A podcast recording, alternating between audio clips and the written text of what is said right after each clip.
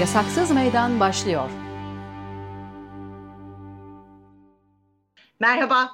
Eşit Haklar İçin İzleme Derneği ve Kısa Dalga Medya İşbirliği'nde hazırladığımız Yasaksız Meydan'ın Boğaziçi direnişinde bir ay özel bölümünün ikinci kısmına hoş geldiniz.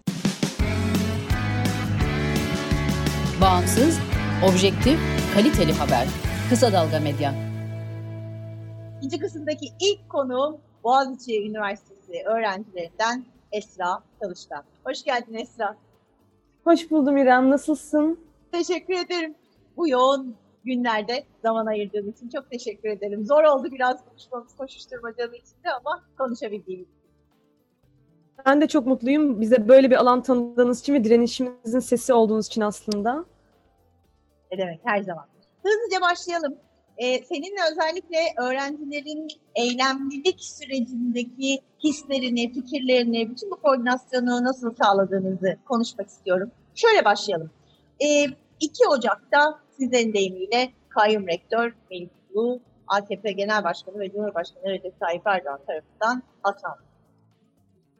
Öğrenciler olarak barışçıl bir eylemler serisiyle protesto etmeye, kendisini istifaya davet etmeye nasıl karar verdiniz? E, o süreci biraz anlatır mısın öğrenciler arasında? Tabii ki aslında şöyle bu ilk defa olan bir protesto değil ama bu sefer çok ses getirdi. Biz daha önceden de atamalara karşı olarak sesimizi yükseltmiştik.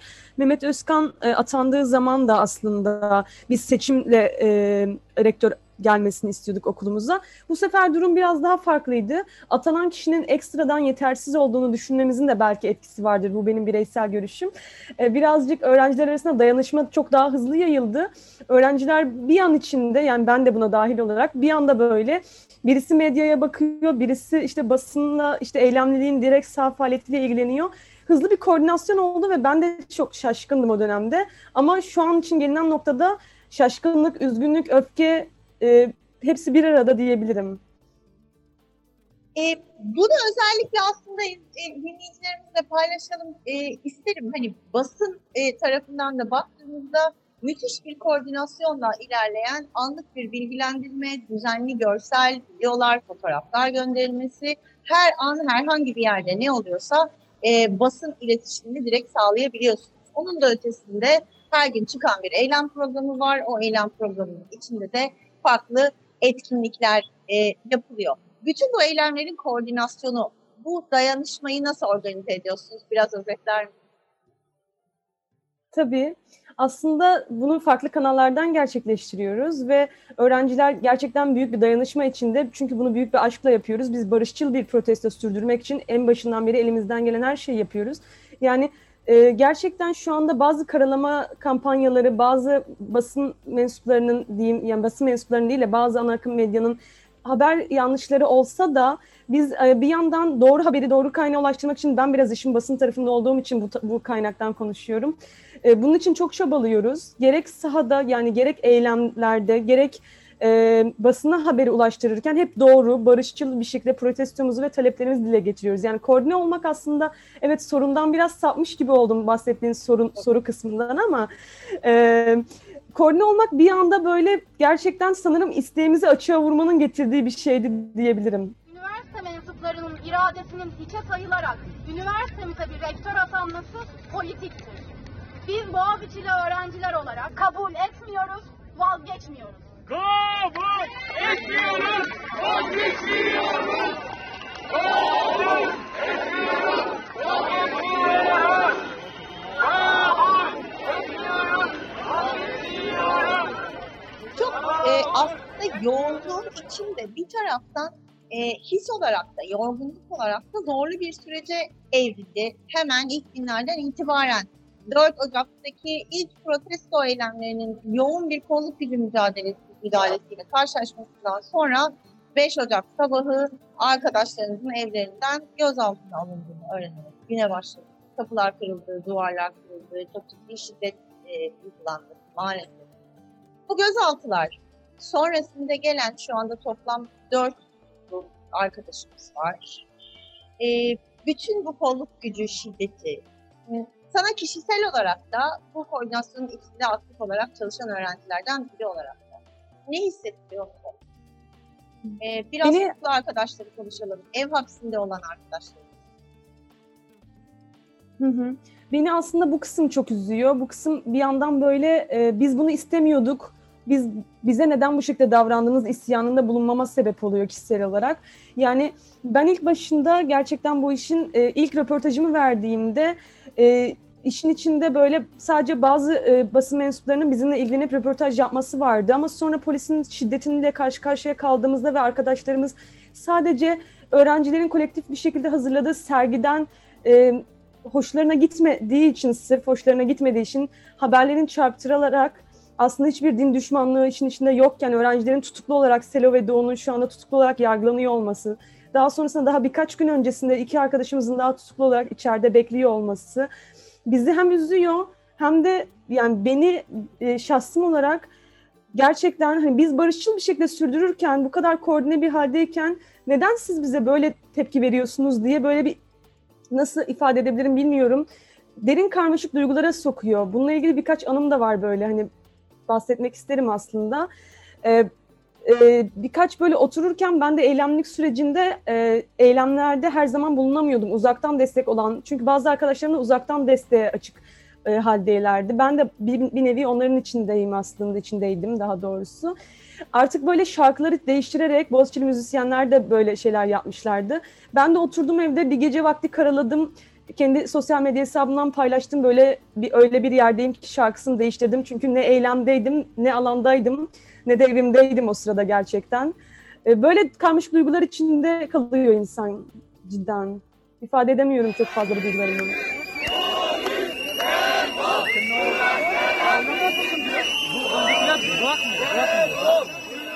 Tüm ülkenin gündeminde yer alacak şekilde ülkenin yöneticileri tarafından da her gün farklı insanlar e, ve bazı hakaretlerle de karşılaşıyoruz. E, tutuklanan ve ev hapsinde olan arkadaşlarımız açısından hukuki süreci de yakından takip edilmeyi istiyorum. Birazdan hukuki süreci avukat Levent Pişkin'le de konuşacağız. Şöyle devam edelim istedim. Bu çok tartışılıyor. Yöneten muhtedirler tarafından da size yöneltilen suçlamalardan bir tanesi. Bu direniş nereye gidiyor? Ee, neden bu kadar büyük bir tepkiyle karşılanıyor? Ee, acaba herhangi bir şeyden korkuyor mu? Tırnak içinde söylüyorum fikren. Boğaziçi direnişinden yeni bir gezi direnişi çıkar mı endişesi ve direkt söylenen ithamlar da var. Bunun üzerine dün gece biz bu kaydı 6 Şubat'ta yapıyoruz seninle. 5 Şubat e, gecesi resmi gazetede yayınlanan bir kararla Boğaziçi Üniversitesi'nde hukuk fakültesi ve iletişim fakültesi açılmasına dair e, yeni bir sürece girildi ve hemen arkasından Boğaziçi Dayanışma'dan yayınlanan e, Cumhurbaşkanı ve AKP Genel Başkanı Recep Tayyip Erdoğan'a yönelik açık bir mektup yayınladı. İki şeyi bir arada söyleyeyim. Direniş nereye gidiyor? Biz ne istiyoruz? İş başka bir şeye evrildi mi? Öyle bir niyetimiz var mı? Aslında bizim direnişi başka bir yere evrilmek gibi bir niyetimiz olduğunu ben düşünmüyorum şahsi olarak. Çünkü biz sadece rektörlerin atanmasını, rektör pardon, rektörlerin atanmasını e, protesto eden bir e- barışçıl eylem olarak sürdürdüğümüz eylemlerin rektörlerin seçilerek üniversitelere gelmesini sadece Boğaziçi'ne değil, e, tüm e, diğer üniversitelerde de çünkü bu olay aslında Boğaziçi'nde ses getirdi ama diğer üniversitelere de aslında atama yoluyla kayyum rektörler atanmıştı bir, bir nevi o şekilde e, ifade edersek ve biz tüm bunlara karşıydık. Uluslararası medyada da aslında yer almasının sebebi birazcık bu olmaya başladı bence. Bizim taleplerimizin birazcık ben şey olduğunu düşünüyorum. E, hükümetin e, farklı gündemden bahsetmek istemesi ama şu anda gündemde bu kadar bizim bizden alınan tepkiyle gündeme geliyor olması hükümetin birazcık canını sıkıyor bence. Çünkü fa- farklı şeyler konuşmak istiyor sanırım kendileri ama biz bunda direniyoruz bunu konuşmak istemekte. Yani bizim niyetimiz dediğim gibi e, farklı bir yere götürmek hiç olmadı. Sadece taleplerimizi belirttik. Boğaziçi Dayanışması'nın e, o metininde de aslında taleplerimiz çok net bir şekilde ifade ediliyor. Melih Bolu'nun istifası, tutuklu arkadaşlarımızın serbest bırakılması, bir e, aday kulübümüzün, bu LGBT artık kulübünün bir anda o, e, kulübün saldırı düzenlenip içeri girilip böyle darmadağın edilerek ve fiş, ifşa, fişleme çalışmaları yapılarak böyle e, linç politikası uygulayarak aslında o arkadaşlarımıza bunun engellenmesi yani bu, bu, bu karalama kampanyalarına son, sona erdirilmesi gibi taleplerimiz var aslında. Bunlar çok basit talepler görünürde. Gerçekten de öyleler ama bunlar e, şu anda karşılanmıyor ve ben bunların karşılanmasını bir kez daha buradan talep ediyorum aslında. Bu metinde e, bilmiyorum okurlar mı ama Boğaziçi Dayanışması'nın paylaştığı metni bence okumalılar ve taleplerimize göre hareket etmeliler. Seni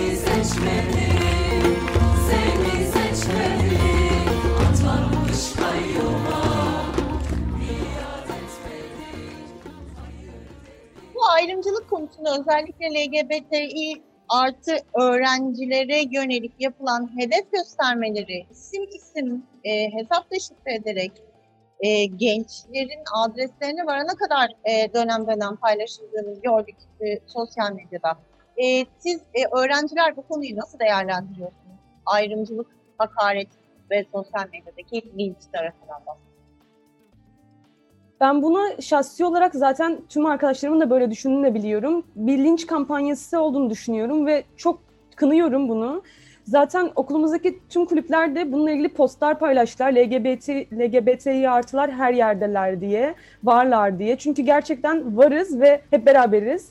Ee, neden bizi dışlama kampanyasına bir şekilde götürüyorlar ve fişliyorlar ben anlamış değilim.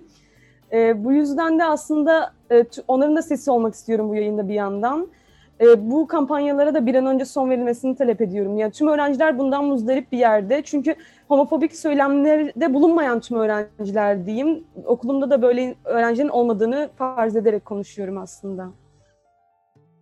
aslında e, Müslüman öğrenciler olarak kendini nitelendiren Boğaziçi'li öğrencilerden de çok benzer açıklamalar geldi. E, bu sergide oldukça ciddi tepki alan Kabe enstalasyonu üzerine onlar da dediler ki evet bizi rahatsız etmiş olabilir, e, bizi zorlamış olabilir ama biz bunu kendi aramızda konuşarak çözebiliriz. E, bu tepkilerin bu kadar ülke geneline yayılmasına, böyle bir linç kampanyasına hatta öğrencilerin cezalandırılarak hapis cezası almasına gerek yoktu dediler. E, Boğaziçi'nin tabii ki çok uzun yıllara dayanan gelenekleri var. E, rengarenk bir bahçedir bizim dedi Can Hocam ilk bölümde. E, dolayısıyla Hı hı. hani eylemlerin içindeki renkliliğe baktığımızda da e, bizim de basın tarafında hissettiğimiz evet konuşarak, tartışarak, anlaşarak birçok şeyi kendi içimizde çözebileceğimiz. Şöyle toparlayalım mı? Dün gece sabaha karşı e, yayınlanan, 5 Şubat'ta yayınlanan mektupta e, özellikle çok vurguladığım barışçıl eylem e, üzerine başka bir anayasal haktan da bahsediyorsunuz. E, dün Erdoğan yürekleri yetiyorsa yetse beni de istifaya çağırırlar demişti. Siz de diyorsunuz ki yürekleri yetiyorsa diye başlayan bir cümle kurmuşsunuz. Cumhurbaşkanı istifaya çağırmak bir anayasal hak mıdır? Evet. Bu halde bir anayasal hakkı kullanmak ne zamandan beri bir cesaret sorunu oldu. Galiba şöyle bir sıkıntı var ve bütün Boğaziçi direnişinin içinde yer alan iki kesimler, bileşenler e, başından beri hep şunu vurguluyor. Bu barışçıl bir eylemdir. Barışçıl toplantı ve gösteri hakkı anayasal bir vatandaşlık hakkıdır. Siz de sadece hakkınızı kullanmak istiyorsunuz. Terörist ilan edildim çünkü üniversitemde hür ortam istiyorum. Terörist ilan edildim çünkü üniversitemde akademik özgürlük istedim. Önümüzdeki süreçte, önümüzdeki günlerde nasıl bir beklentiniz var? E, mücadeleyi nereye, ne kadar devam ettirmeyi planlıyorsunuz? Veya var mı böyle bir hani kafanda şöyle bir şey bekliyoruz dediğin herhangi bir fikir? Yani aslında sen çok güzel toparladın özet olarak buraya kadar gelen kısmı. Ben bunun devamı için şöyle bir şey düşünüyorum. Ya bizim şiddete dönüştürmek gibi bir niyetimiz hiçbir şekilde olmadı ama polis şiddetiyle karşı karşıya kalan biziz. E, Adliyelerde gerek, gerektiğinde yani gerektiğinde derken görüyoruz avukatlarla artık polis arasında şiddeti de gördük. Polis tarafından şiddeti gördük daha doğru ifade etmek gerekirse. Bunlar çok acı şeyler. Türkiye'de yaşıyoruz evet ama ben bunlara alışmak istemiyorum. Burada yaşayan bir birey olarak. E, Başka paylaşılan videolarda da şöyle e, ifade ediyordu bazı öğrenci arkadaşlarımız. Siz bize bunları yaparsanız biz buradan beyin göçüyle taşınıp gideceğiz. Aslında bize diyorlardı hani bunlar Boğaziçi'nin işte tutuklu arkadaşlar için de diyorlardı. Boğaziçi'nde bunlar ilk 300'den girenler değil ki falan diye böyle bize aslında farklı yerlerden atıfta şeyde bulundular. E, farklı şekillerde dalga geçilmeye çalışıldı ama bunları hiç önemsemiyorum ben. Bundan sonrası için şöyle, şöyle söyleyebilirim. Ee, Biz yine barışçıl olarak sürdürmeye devam etmeye çalışacağız. Anayasal haklarımızı, yurttaş gazeteciliğimizi ve eylemlilik sürecindeki haklarımızı kullanmaya devam edeceğiz. Bu şekilde linç kampanyalarıyla, karalama kampanyalarıyla bir yere varılamayacağının a- aslında onlara e, her yolu deneyerek e, eylemlerimizin arkasında olacağımızı söyleyebilirim ben kendi adıma. Çok teşekkür ediyorum. Ee, hem hislerini bizlerle, dinleyicilerimizle paylaştığınız için e, hem de bu bir aylık süreçte e, basın tarafında da, iletişim tarafında da müthiş bir enerjiyle çalıştığın bizleri de her zaman bilgilendirdiniz. Ağzına sağlık Esra'cığım. Önümüzdeki günlerde de hep beraberiz. E, gelişmeleri hep beraber takip etmeye devam edeceğiz. Biz özgür basında elimizden geldiği kadar e, kamuoyuna sizin taleplerinizi ve sesinizi iletmeye devam edeceğiz. Ağzına sağlık. Teşekkür ederim. Çok teşekkürler. Görüşmek üzere.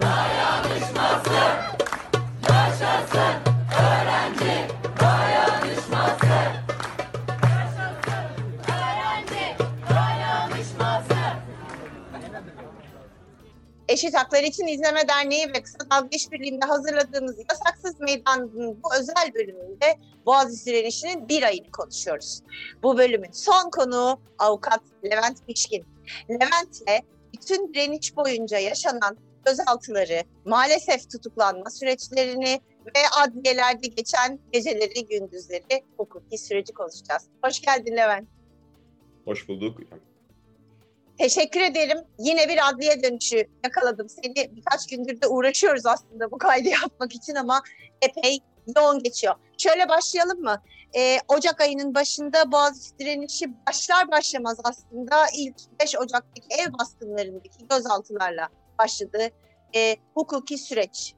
Fakat sonrasında senin de dahil olduğun grupta tutuklamaları da e, gördüğümüz durumlar geldi. Özellikle LGBTİ öğrencileri ciddi ayrımcılık, hakaret, itham, e, sosyal medyada hedef gösterme süreçlerinde yaşadık. Hatta o kadar büyüdü ki e, bu iş bakanlara, e, Diyanet İşleri Başkanı'na, parti başkanlarına kadar da sıçradı.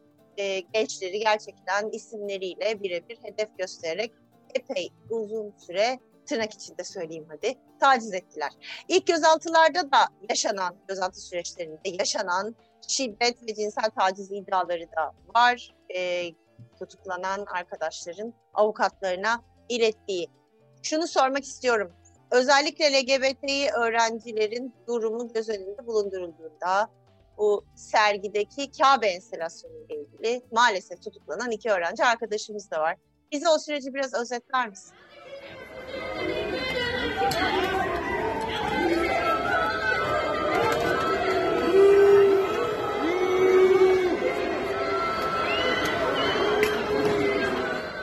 Ya oradaki e, gözaltı süreci tamamen e, bir yandaş medyanın ve hükümetin hedef göstermesi sonucu e, başlayan bir süreçti.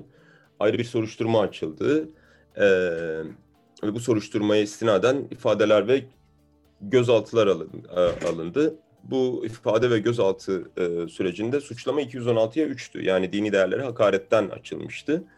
Ee, ama daha sonra işte e, Cumhurbaşkanı ve bir takım bakanların devreye girmesiyle ve açıklamalar yapmasıyla zannediyorum. E, 216.3'ten bir tutuklama çıkmayacağı için savcı sevk maddesi olarak 216.1 yaptı. Yani hani o da halkı kim ve düşmanlığa tahrik olarak geçiyor.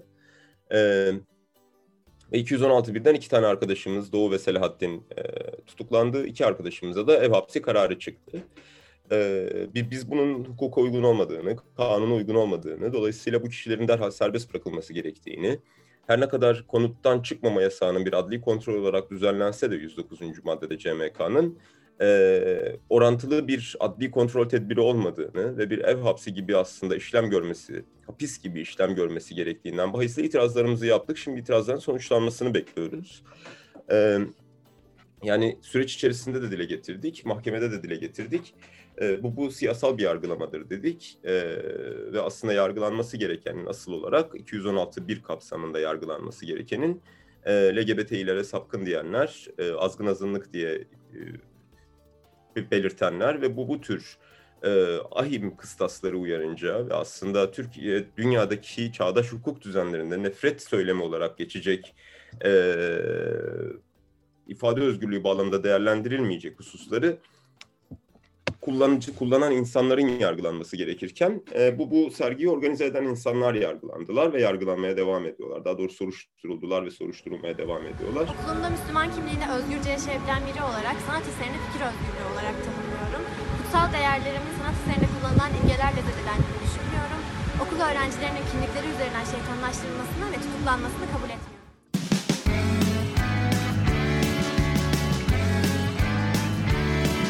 Kulağınız bizde olsun. Kısa Dalga Podcast. Burada bir topyekun bir ayrıştırma ve nefret objesi ilan etme süreci var. LGBTİ artıları. Ee, bu, bu da e, kuşkusuz korunması gereken aslında yani hani bir cinsel azınlık olarak tabir edilebilecek bir grubun e, doğrudan hedef gösterilmesi e, durumu daha da e, kritik bir hale getiriyor e, şeyden ziyade. Yani ve şey tartışmaları da tabii ki yapmaya fırsat ol, olamadı. E, İslam ve LGBT meselesi üstünden yani böyle bir e, şey algısı var genel olarak. Yani İslam ve LGBT iki karşı zıt gruptur diye değildir. E, böyle bir zıtlık tamamen diğer her şey gibi kurgudur. E, ve bu kurgunun bir neticesi olarak e, yargıdaki eril, homofobik ve muhafazakar zihniyetin e, basit bir neticesi olarak aslında e, ve yargının bağımsız ve tarafsızlığını kaybetmesinin de tabii ki doğal sonucu olarak e, bu, bu dört arkadaşımız günah keçisi ilan edildi. İki tanesi tutuklandı ve Metris cezaevinde kalıyorlar. Ev hapislerinin süresi belli mi? Hayır değil. Bunlar adli kontrol tedbiri olarak uygulanıyorlar. Yani Ocak ayının başından itibaren İçişleri Bakanlığı'nın verdiği resmi rakamlara göre 34 tane ev hapsi var. 528 gözaltı var Türkiye çapında. ve şu ana kadar 4 tane de tutuklu var. Şu an 5 arkadaşımız da tutuklanma talebi, bir arkadaşımız da ev hapsi talebiyle Kartal'da suç ceza mahkemesi hakimliği sorgusuna çıkmayı bekliyor. 62 arkadaşımız da aynı zamanda 62 kişi de e, vatan emniyette ifadelerini e, veriyorlar şu an. E, tam şunu konuştuğumuz esnada. E, dolayısıyla bekleyip göreceğiz neler olacak. Peki. Bu gözaltılar, e, tutuklamalar e, gece sabahlara kadar süren e, suç ceza hakimliğindeki mahkemelerdeki farklı farklı mahkemelerdeki e, evvelsi akşam hep beraber neredeyse canlı yayın gibi e, adliyeden e, sizleri takip ettik. E, 51 arkadaşın serbest bırakılmasıyla sonuçlanan hı hı. gecede olduğu gibi e, son derece yorucu, yıpratıcı. E, aslına bakarsan polise mukavemet ve 2911 kanunsuz eylem yapmaktan da gözaltılarımız var. E, hani bu çok ironik geliyor. Bizim de programımızın e, ana konusu bu. Barışçıl toplantı ve gösteri hakkı ihlalleri anayasal bir vatandaşlık hakkını kullanan e, insanlara kanunsuz eylem yapıyorsunuz deniyor. Sen e, hukukçu gözüyle bunu nasıl yorumlarsın? Yani e, en en zorlandığım kısım herhalde bu hukuki yorumlama kısmı olacak. Ya çünkü hukuki olarak yorumlanabilecek herhangi bir şey yok. E, ne tutuklama gerekçelerinde ne diğer e, soruşturmalarda. Şimdi 200, 2911 sayılı toplantı ve gösteri yürüyüşleri kanunu e, en baştan beri aslında bir darbe kanunudur. Bunu bir belirterek başlayalım. Fakat öyle bir hale geldik ki yani 2911 sayılı kanunun darbe kanunu olması ve aslında onun uygulanması için çabalıyoruz. Yani hani darbe kanunu olmasını tartışamıyoruz. Dolayısıyla özgürlükleri kısıtlayıcı bir e, kanun olması meselesini tartışamıyoruz biz bu kanunun. E, neredeyse bu halini arar olduk yani hani eski uygulanabilir halini arar olduk. Ya yani 2911'den tutuklama görebileceğimiz e, gördüğümüz zamanlardan geçiyoruz aslında ve bu bu zaten yeterince baş başına e, bir e, enteresanlık, bir gariplik olduğunu e, ortaya koyuyor. E, nedir e, peki bu toplantı ve gösteri yürüyüşü meselesi? Şimdi anayasanın e, toplantı ve gösteri yürüyüşü düzenleme hakkı başlıklı 34. maddesinde herkes diyor önceden izin almaksızın almadan e, silahsız ve saldırısız toplantı ve gösteri yürüyüşü düzenleme hakkına sahiptir diyor. Benzer şekilde Türkiye'nin taraf olduğu 90. madde, anayasanın 90. maddesinin 5. fıkrasına göre kanunların üstünde sayılan e, Avrupa İnsan Hakları Sözleşmesi'nin 11. maddesi de e, dernek kurma ve toplantı özgürlüğü maddesini düzenliyor, içeriğini düzenliyor ve herkesin asayişi bozmadan toplantılar yapabileceğini, dernek kurabileceğini e, ve başkalarıyla birlikte e, eylem yapabileceğini, sendikalara katılabileceğini düzenliyor. 2911 sayılı toplantı ve gösteri yürüyüşleri kanun 3. maddesi de e, herkesin önceden izin almaksızın e, silahsız ve e, saldırısız olarak kanunların suç saymayacağı amaçlar doğrultusunda toplantı ve gösteri yürüyüşü düzenleme hakkına sahip olduğunu belirtiyor. E, şimdi nedir bu toplantı ve gösteri yürüyüşünün özü? Aslında bir ifade özgürlüğünün, ifade özgürlüğü meselesinin e, bir, alt dalıdır diyebiliriz toplantı ve gösteri yürüyüşü hakkı için. Alt dalı demek ne kadar doğru bir tabir oldu onu bilemedim ama neyse yani hani altında ve hani daha geniş çerçevede ifade özgürlüğü çerçevesinde değerlendirilebilecek bir e, hak. E, bu demokratik bir toplumda herkesin görüşlerini, düşüncelerini toplanarak bir şeye ortak karşı çıkışı belirtmek açısından gerekli ve temelli bir hak. Evet, bir çeşit gerekli ifade bir- özgürlüğü aracı olarak nitelendiriyoruz. Tabii de. ifade, çeşit değil bir ifade özgürlüğü aracı yani. yani bu bir ifade özgürlüğü ihlalidir aslında temelde baktığınız zaman. Ee, 2911'e yönelik yani toplantı ve gösteri yürüyüş hakkına yönelik müdahaleler aynı zamanda ahis 10 bağlamında bir de ifade özgürlüğü ihlalidir bu. Ee, yani hani bu bunu söylemekte ve bunu yorumlamakta herhangi bir beis yok. Şimdi e, nedir mesela bir gösteriyi yasa dışı kılacak olan? Bunlar kanunda açıkça belirtilmiş yani. Hani saldırı olacak, e, yasaklama olacak ama yasaklama nasıl olacak? Şimdi anayasanın 13. maddesi ve 15. maddesi sınırlama, hakların sınırlandırılması ve durdurulmasına ilişkin maddeleri çok açık. Diyor ki kanunla sınırlanabilir ancak. Yani temel hak ve özgürlüklerin kullanımı ancak ve ancak kanunla sınırlanabilir. Şimdi o da zaman tartışmamız lazım. Kaymakamlık kararı bir hafta boyunca süresiz ya da neyse ne ya da hani e, e, kesin bir süre boyunca yasaklanmış olması geçerli midir değil midir? Ya da valiliğin bir ay boyunca belli bir coğrafyada, belli bir bölgede, belli bir mekanda e, toplantı ve gösteri yürüyüşlerini yasaklaması geçerli midir değil midir? Hayır değildir. Ne anayasa 13'e göre de geçerlidir ne anayasa 15'e göre geçerlidir. Bir kere bir sınırlandırma mı durdurma mı var? Bu, bu bir konuşulmalı yani hani ortada. Bana göre durdurma var. Ve durdurmanın olması için kanuni bir emir şart.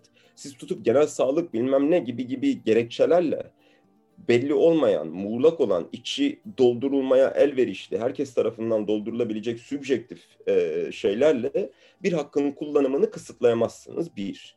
Daha önemlisi siz bir hakkın kullanımını bir idari amirin kararıyla kısıtlayamazsınız. Anayasa çok açık. Kanunen kısıtlama gerekir. Kanun ne zaman kısıt koyarsa kanun çıkarılır. Kanun der ki bu hallerde kısıtlama ve hani olağanüstü ve sıkı yönetim durumları da dahil olmak üzere tabii ki e, kanun bir kısıt koyduğu an tamam kısıtlanabilir. Ama siz bir idari amirin yetkisine dayanarak, bir idari amirin kararına dayanarak bir hakkın kullanımını kısıtlayamazsınız. Dolayısıyla en baştan valilik ve kaymakamlığın bu yasak kararlarının hukuka ve kanuna aykırı olduğunu, anayasaya aykırı olduğunu ve dolayısıyla bunları sırf bir hakkın kullanımını yasa dışı kılmayacağını belirterek başlayalım. Yasa dışı bir hak kullanımı söz konusu değil. Zira o, o, o toplantı ve gösteri yürüyüşlerinin yasa dışı kılınmasının kendisi yasa dışı. Anayasaya aykırı. Ee, insanlar anayasadan kaynaklanan, uluslararası sözleşmelerden kaynaklanan, kanundan kaynaklanan haklarını kullanıyorlar. Barışçıl gösteri yürüyüşü düzenleme hakkını herkes kullanabilir. Önceden izin almaksızın kullanabilir. Ee, ve insanlar da tam olarak bunu yapıyorlar e, siz bunu yaparken insanlara müdahale edip bu insanları sırf haklarını kullandıklarından dolayı, sırf özgürlüklerini kullandıklarından dolayı gözaltına almış olursanız ya da yakalama kararı çıkartmış olursanız bu yakalama ve gözaltı kararının bizzat kendisi de hukuka ve kanuna aykırı olur. Ve burada aslında işlenen suç hürriyeti tahdit suçudur polis tarafından. Çünkü siz yasal olmayan bir şekilde, yasaya uygun olmayan bir şekilde insanların özgürlüğünden mahrum bırakıyorsunuz. Niye? Sebep ne? 2911 sayılı yasaya muhalefet. Nereden muhalefet? Silah mı kullanılmış? Hayır. Taş mı kullanılmış? Hayır. Polis dağılın uyarısı yapmıştı, insanlar dağılmamış mı? Hayır. Hiçbiri yok. Dolayısıyla kanun 28. maddenin, 29. maddenin, 32. 33. maddelerin neyse bunların belirlediği kriterlerin hiçbiri yokken siz bu insanları sırf temel haklarını kullandıkları için Anayasanın 34. maddesinde, kanunun 3. maddesinde AHİS'in 11 ve 10. maddelerinde belirtilen haklarını kullandıkları için özgürlüklerinden mahrum bırakamazsınız. 2-2-4. Bu bu kadar basit bir hesap. Ve siz yeniden söylüyorum idari amirin yetkisine dayanarak idari amirin tek bir kararıyla kanunla kısıtlanması gereken temel hak ve özgürlükleri kısıtlayamazsınız. Burası hala anayasa madde 2'ye göre bir hukuk devleti ve eğer hukuku uygun olarak gidecekse bir şeyler en azından kendi çıkardığınız kanunlara saygı duymanızı sizin bekliyoruz en başta. İdarenin bekliyoruz. Eğer idare buna uymuyorsa insanları buna uymamaktan yargılamak bir tuhaf kaçıyor, bir enteresan kaçıyor. E ben hukukla bağlıyım, sen benden daha çok bağlısın hukukla. Yaptığın iş ve işlemler de öyle. An en çok konuştuğumuz mevzulardan bir tanesi son dönemde. Göz altında işkence ve kötü muamele yasağının ihlal edilmesi.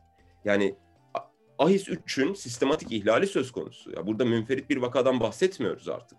Bize gelen tüm vakalarda, konuştuğumuz tüm vakalarda neredeyse en az bir kötü muamele var. En az bir tane kötü muamele var. Kaldı diğerlerini hani saymayacağım bile. E bu böyleyken siz tutup burada e, hayır bu vakalar münferittir diyemezsiniz. Polisin tutumundan, avukatlara yönelik tutumundan başlayalım. E, göz altındaki insanlara yönelik tutumuna kadar devam edelim. Polisin LGBTİ artı öğrencilere yönelik tutumundan başlayalım. Polisin dışarıda herhangi bir bireye karşı olan tutumundan devam edelim. Ben devletim anlayışıyla bireyin karşısına çıktığınız noktada, bireyin haklarını kısıtladığınız noktada, bireyin karşısına kamu özgürlüklerini koyduğunuz noktada hukuk işlemeye başlar ve oradaki hukuk bir takım usulü kurallara bağlıdır. Eğer siz bu usulü geçer, bu usulsüzlüğe gömülürseniz ortada bir kaos, bir anarşi adına ne derseniz deyin e, bir, bir düzensizlik hali mevcut olur ve bu noktadan sonra kimseyi hukukla bağlıdır ya da değildir diye e, tartıştıramazsınız ve bize de tartışacak bir nokta bırakmazsınız. E, 2911'e dair herhalde söyleyeceklerim bunlar. Sen ara ara programa gelip böyle özet versene çok şahane bir 2911 tanımlaması oldu.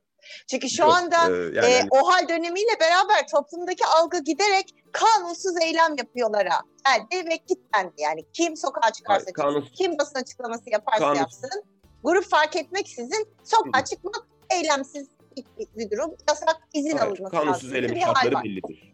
Çok güzel özetledin. Çok teşekkür Kanunsuz ederim. eylemin şartları kanunsuz eylemin şartları bellidir. Bu şartları taşımayan hiçbir eylem yasa dışı ilan edilemez. Kimse fişlenemez. Kimse hakkında terör örgütü iltisakı vardır diye bir bakanlık açıklama yapamaz. Bunun adı fişlemedir. Sırf bir kişi sizin fişlemenize göre, sizin istihbari raporlarınıza göre, hukuk uygun olmayan düzenle, olmayarak düzenlenmiş istihbari raporlarınıza göre iltisaklı ya da irtibatlı diye her neyse ki bunlar da çok muğlak ve kullanılmaması, kaçınılması gereken şeyler. Ee, yasaklıyorsanız burada artık bir gruba yönelik bir kısıtlamadan söz ederiz. Burada başka bir şey konuşuruz.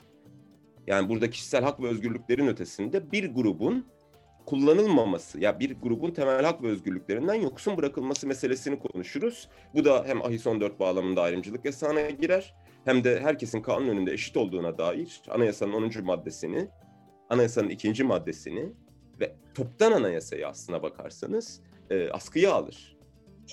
Bugün senden önce e, görüştüğüm e, kadın öğrenci arkadaşım da benzer bir şey söyledi. Biz sadece anayasal hakkımızı kullanıyoruz. Neden e, bu kadar şiddetle, böyle gözaltılarla hatta tutuklamalarla karşılaştığımızı bilemiyoruz dedi. Levent bitirirken biraz da şu muhteşem avukat dayanışmanı konuşalım istiyorum. E, sürecin başından beri hem gözaltılarda, ev baskınlarında, gözaltılarda, bütün e, vatan emniyet ve mahkeme süreçlerinde oldukça kalabalık bir avukat kadrosu öğrenci arkadaşlarımızın yanındaydı. Bir o dayanışmanın ruhunu anlatır mısın bize kapatırken? Süreçte öğrencilerin yanında olan avukatlar olarak hukuksuzluklara bizzat şahidiz. Hukuksuzlukların karşısında öğrencilerin yanındayız. Müvekkillerimizi serbest bırakın. Boğaziçi tutuklanamaz. Boğaziçi tutuklanamaz. Ya bu bu bir sorumluluk aslında. Yani hani bizim yaptığımız avukatlık bir hak savunuculuğu pratiği aynı zamanda. Dolayısıyla hak savunucusu insanlar, e, toplumsal meselelerle derdi olan insanların bir e, dayanışma yükümlülüğü hissetmesi, sorumluluğu hissetmesi ve bu bu sorumluluğu yerine getirmesi. E, ve bu anlamda zaten işte hem dernekler var, e, hem bağımsız bireysel olarak gelen insanlar var. E, bu bunlarla koordineli bir biçimde e, hep beraber elimizden geleni yapmaya çalışıyoruz. E, yaptığımız ekstra mükemmel bir şey yok. E, teşekkür edilecek herhangi bir şey yok. Gerçekten söylüyorum bunu tüm samimiyetimle söylüyorum. E, ya da minnet duyulacak herhangi bir şey yok ki yani hani bir, bir dediğim üzere bu bizim hissettiğimiz bir sorumluluktur ve bu sorumluluğun gereğini, gereğini yerine getiriyoruz bu kadar. Ee, başka bir şey öğrencilerin orada gösterdiği dayanışmayı biz onlarla adliye salonlarında ne yazık ki e, ne yazık ki karakolda ne yazık ki gözaltı aracında e, göstermeye çalışıyoruz. Bu kadar. Başka herhangi bir şey yok yaptığımız. Peki. Çok teşekkür ediyorum vakit ayırdığın için ve evet, harika özetin için hem e, süreci hem de hukuki durumu böyle konuştuğumuz için sevindim. Umarım önümüzdeki günler şu geçirdiğimiz bir aylık süreçten bir nebze daha kolay olur. E, öğrencilerin talepleri, akademisyenlerin talepleri kabul edilir ve bu direniş sürecinden de pozitif kazanımlarla hep beraber dayanışmayla çıkmayı başarırız. Ağzına sağlık. Teşekkür Umarım. ederim Levent. Sağ ol. Görüşürüz.